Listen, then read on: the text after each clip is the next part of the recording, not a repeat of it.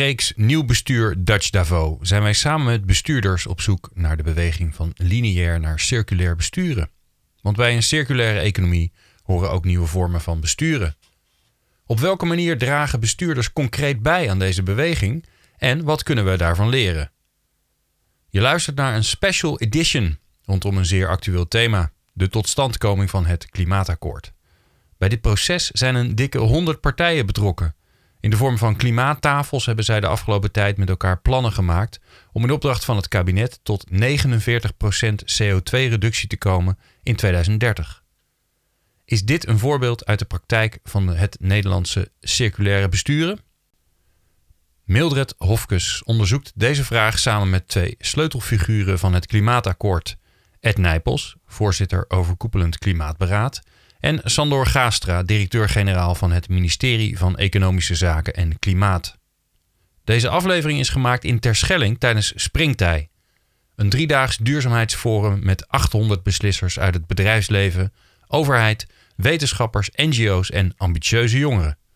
Het gesprek vond plaats in de Ecolution, het duurzame zeilschip van de in 2014 overleden astronaut Wubbel Okkels. Goedemiddag en fijn dat jullie hier zijn. Ed Nijpels en Sander Gaastra. Uh, we zitten op een hele bijzondere locatie. We zijn uh, uh, op Springtij en we zitten in de Ecolution, de boot die Wubbe Okkels gemaakt heeft. nadat hij terugvloog hè, vanuit de raket, terug naar de, vanuit de maan, weer naar Nederland of naar de aarde en zag onze aardbol. Dat is natuurlijk een hele prachtige symbolische plek waar we zitten. En we zitten op Springtij. We maken deze reeks. Deze reeks heet Nieuw Bestuur Dutch Davos Radio.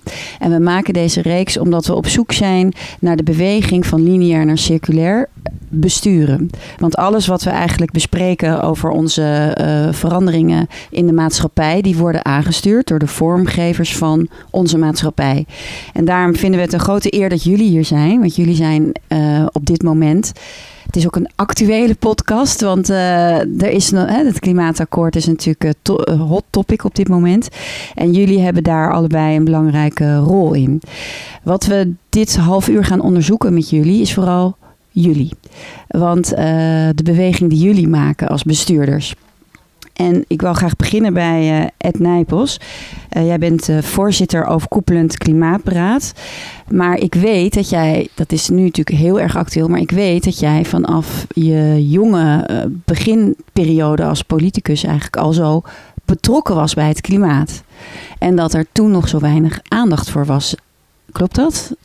Nou, dat klopt voor een deel. Uh, ik ben toen ik in, in 1986 werd ik minister van Milieu.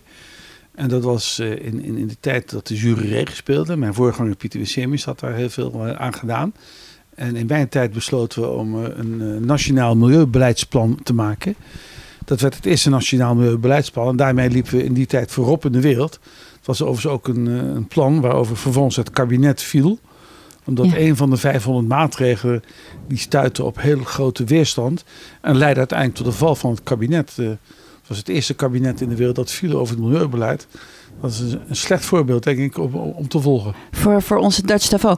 Maar um, nu zijn, hè, ben jij voorzitter van de klimaattafels. Is dat een, uh, in de wereld een vernieuwende beweging? Nou, de manier waarop Nederland het klimaatbeleid uh, aanpakt, is zeker bijzonder. Dat was al bij het vorige energieakkoord, het huidige energieakkoord het geval. Dat maatschappelijke groeperingen bij elkaar gaan zitten, samen met de overheid. En dan met elkaar zorgen voor een aantal doorbraken. En bij het klimaatakkoord wordt dat in een wat andere vorm. Nu heeft de overheid veel meer regie. Wordt dat herhaald. En ik denk dat nog steeds, eh, als je dat aan buitenlanders vertelt. En dan vinden ze dat heel bijzonder. Ik heb een jaar geleden op verzoek van het Belgische parlement daar iets verteld over het Nederlandse energieakkoord. En de reactie daarvan een parlementariër was... Ja, bij ons praat de Vlaamse energieminister nog ineens met de nationale laat, uh, minister. Dus laat staan dat wij met elkaar daar ooit overeenstemming zouden bereiken. In dat opzicht is Nederland uniek, maar dat past ook een beetje bij ons karakter. Uh, het polderen, we zijn gewend. En dat heeft dikwijls een negatieve bijklank, maar in dit geval denk ik dat het heel goed is. Omdat juist die energietransitie, die kun je nooit op je eentje doen. Daar heb je alles en iedereen voor nodig. Dan moet je dus samenwerken. Het met elkaar doen. En waarom raakt het jou zo? Waarom vind jij dit zo? Eh, waarom, het is niet toevallig dat jij die tafels misschien wel uh, trekt. Waarom doet de, doet de mens Ed Nijpels dat? Nou, ik, ik heb natuurlijk vanuit mijn uh, tijd dat ik milieuminister was... Dan, dan kom je met de problemen in aanraking dan zie je ook hoe ingewikkeld het is om oplossingen te bereiken. En daar raak je door gemotiveerd. Ik ben na mijn ministerschap jarenlang ook voorzitter geweest van het Wereld Natuurfonds in, eh, in ons land. Een aantal andere milieufuncties uh, gedaan. Ja, eh, als je eenmaal de ernst van de milieuproblematiek ziet. En je ziet hoe onvoorzichtig wij soms met elkaar, met, elkaar omgaan met die wereld. Dan motiveert je dat om daar een, een bijdrage aan te leveren. Ja. En, en Sander, jij bent directeur-generaal Energie, Telecom en Mededinging bij Economische Zaken en Klimaat. Natuurlijk een, een grote, uh, zeker nu ook een hele grote verantwoordelijkheid. rust er ook op jouw schouders misschien wel. Um, jij maakt het ook van dichtbij mee, dit proces. Hè? ja, ik vroeg het net, ik wilde het net al een beetje aan jou vragen. Van, geloof jij dat we dit gaan doen als land? Dat we, de, ja, dat we dit gaan, deze vorm, wat jullie nu hebben vormgegeven, dat het ons gaat lukken? Uh, een van mijn lijfspreuken is: succes is onvermijdelijk. Uh, als tegenhanger van failure is not an option zeg ik altijd: succes is onvermijdelijk. Ja, ik denk dat dat gaat gebeuren. Als ik om mij heen kijk, zowel maatschappelijk als ook politiek, denk ik dat we een beslissende stap hebben gezet. Met een kabinet dat heel ambitieus is, ambitieus zo ambitieus dat we het meest ambitieuze land zijn in Europa met een doelstelling van 49% En zelfs een van 55% als we het mondiaal doen en Europees. Dat is heel ambitieus en ik denk ook dat het echt uh, een, een beweging is die, uh, die niet te, te keren is. Mm -hmm. Dus ik geloof daar erg in. Uh, ik zeg wel, het is 10% inspiratie en 90% transpiratie. We moeten nog wel heel hard werken in al die domeinen die Ed net noemde en al die tafels die we daarvoor ook hebben georganiseerd, om het daadwerkelijk tot een resultaat te brengen.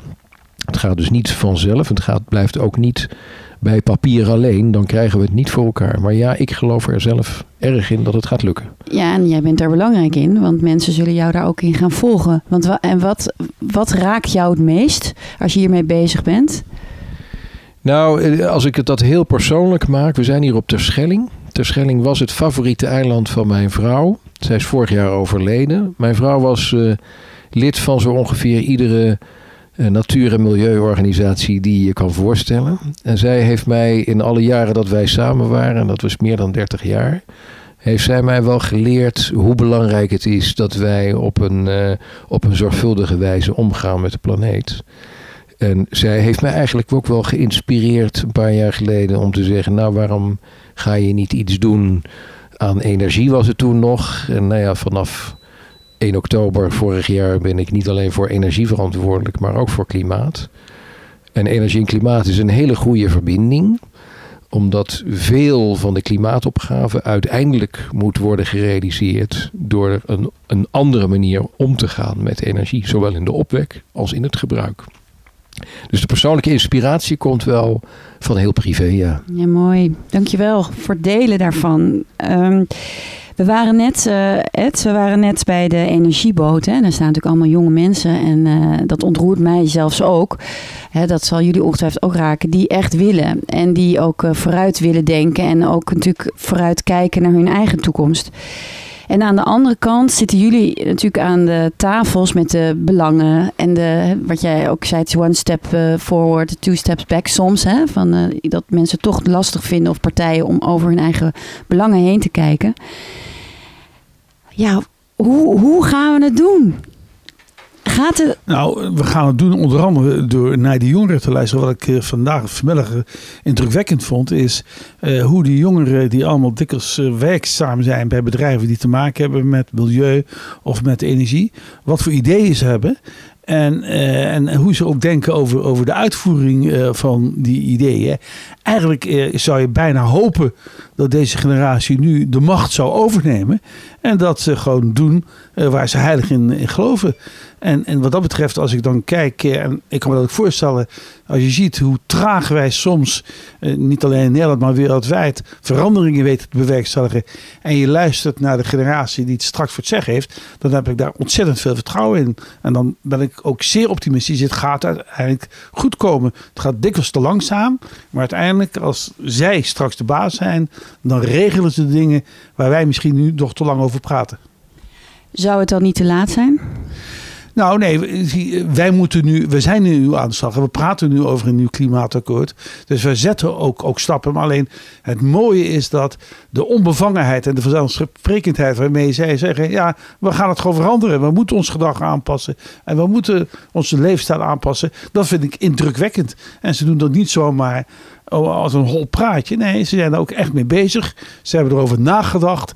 En ze brengen dat ook in hun bedrijven in de praktijk. Dat is heel belangrijk. Want Sander Gaastra die zei vanmiddag nog eens terecht. Ja, jullie maken de speeches voor de bazen. Jullie dragen de ideeën aan. En dat is ook zo. Dus als je zulke mensen hebt in je organisatie, nou, dan, kun je, dan kom je aan het vooruit. Nou, dan wil ik wel iets kritische noten bij plaatsen. Want jullie schrijven de speeches. De bazen spreken dat eh, met liefde uit, al die mooie woorden. Maar je hoort ook jongeren zeggen: ik moet met mijn baas daarover praten. Mijn baas moet dit accorderen. We moeten met mijn baas hè, uh, moet ik hierin meekrijgen. Maar dat hoort ook zo. Dat is ook helemaal niet erg. Natuurlijk, daarvoor is die man is op een gegeven moment baas of directeur. Die zal uiteindelijk de eindverantwoordelijkheid moeten nemen. Moeten nemen. Maar zo'n baas, die kan het niet alleen. Die krijgt ideeën aangedragen van zijn achterban. Die krijgt ideeën aangedragen van mensen die voor hem werken. En die ook het mooi vinden als die baas stappen kan zetten. Uh, nou, als je gewoon ook als, als, als baas, om dat nare woord maar te gebruiken, als je dat ook uh, overbrengt naar de mensen die voor jou werken, dat je graag hun ideeën mee wil nemen, dat jij het ook niet alleen weet. En dan kun je ook als, als baas kun je hele grote stappen vooruit zetten. Nou, en daar was die bijeenkomst vanmiddag was daar buitengewoon inspirerend in. En als jij nou uh, denkt aan een baas, je bent zelf baas geweest, hè, dan vraag, ga ik eerst even ook aan Sander vragen. Die is nu echt baas, hè? Want hoeveel mensen vallen onder jou, als je het zo Nou, er werken ongeveer 250 mensen voor mij. En wat voor een, uh, eigenschappen zet jij in om zo'n vernieuwende bestuurder te kunnen zijn, hè, die toegankelijk is en wel snel kan handelen ook? Of dat mogelijk maakt voor goede ja. ideeën?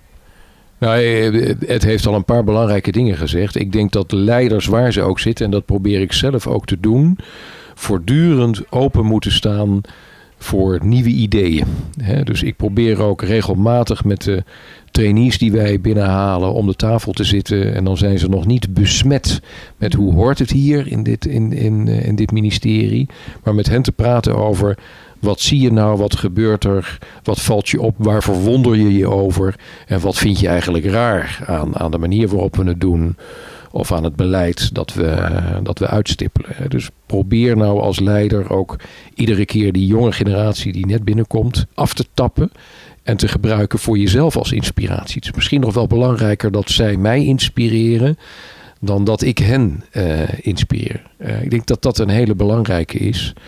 En ik sluit graag aan bij wat Ed zegt. Uh, zij moeten ook hun eigen invloed niet onderschatten. In iedere organisatie met een trainee-programma is er altijd een moment waarop je ook als trainee kan zeggen: mag ik alsjeblieft met de raad van bestuur of met de bestuursraad of hoe het ook heet aan tafel. Want wij willen als nieuwe binnenkomers graag onze ideeën voor die organisatie delen. Ik heb nog nooit een CEO, of bij ons heet dat de secretaris-generaal, gehoord die dat verzoek durft te weigeren. Dat je niet open staat voor de jonge mensen in je eigen organisatie. Dus jongeren moeten ook niet onderschatten hoeveel invloed zij kunnen uitoefenen in iedere organisatie. En dan niet alleen de jongeren, maar eigenlijk alle medewerkers, uh, neem ik aan, hè, die je dan uh, toch de, de toegang biedt tot het hoogste orgaan in de zin Zeker. van de besluitvorming. Zeker, en dat vond ik ook heel mooi toen wij daar zaten, Ed en ik, om te luisteren naar de pitches van de energieboot. Dat ik ook een aantal pitches hoorde waarin die leeftijdsgroep de eindtwintigers, de begin dertigers, de verbinding zocht niet alleen met de generatie die na hen kwam. Onder andere het idee, moeten wij niet ook VMBO-scholen gaan opzoeken? Mensen interesseren voor deze transitie en de techniek en alle andere dingen die daarbij horen. Maar ook één iemand die de verbinding maakte naar de generatie ouder dan zij. Die het had over de monteurs van Stedin. Uh, die, die je eigenlijk ook moet meenemen. En die je ja. ook moet, moet tonen of vertellen hoe belangrijk het is wat zij eigenlijk doen. of dat nou een nieuwe verbinding leggen is of een buis de grond in. Hè. We hadden daar zelfs een mooie kreet voor, buizenbaas.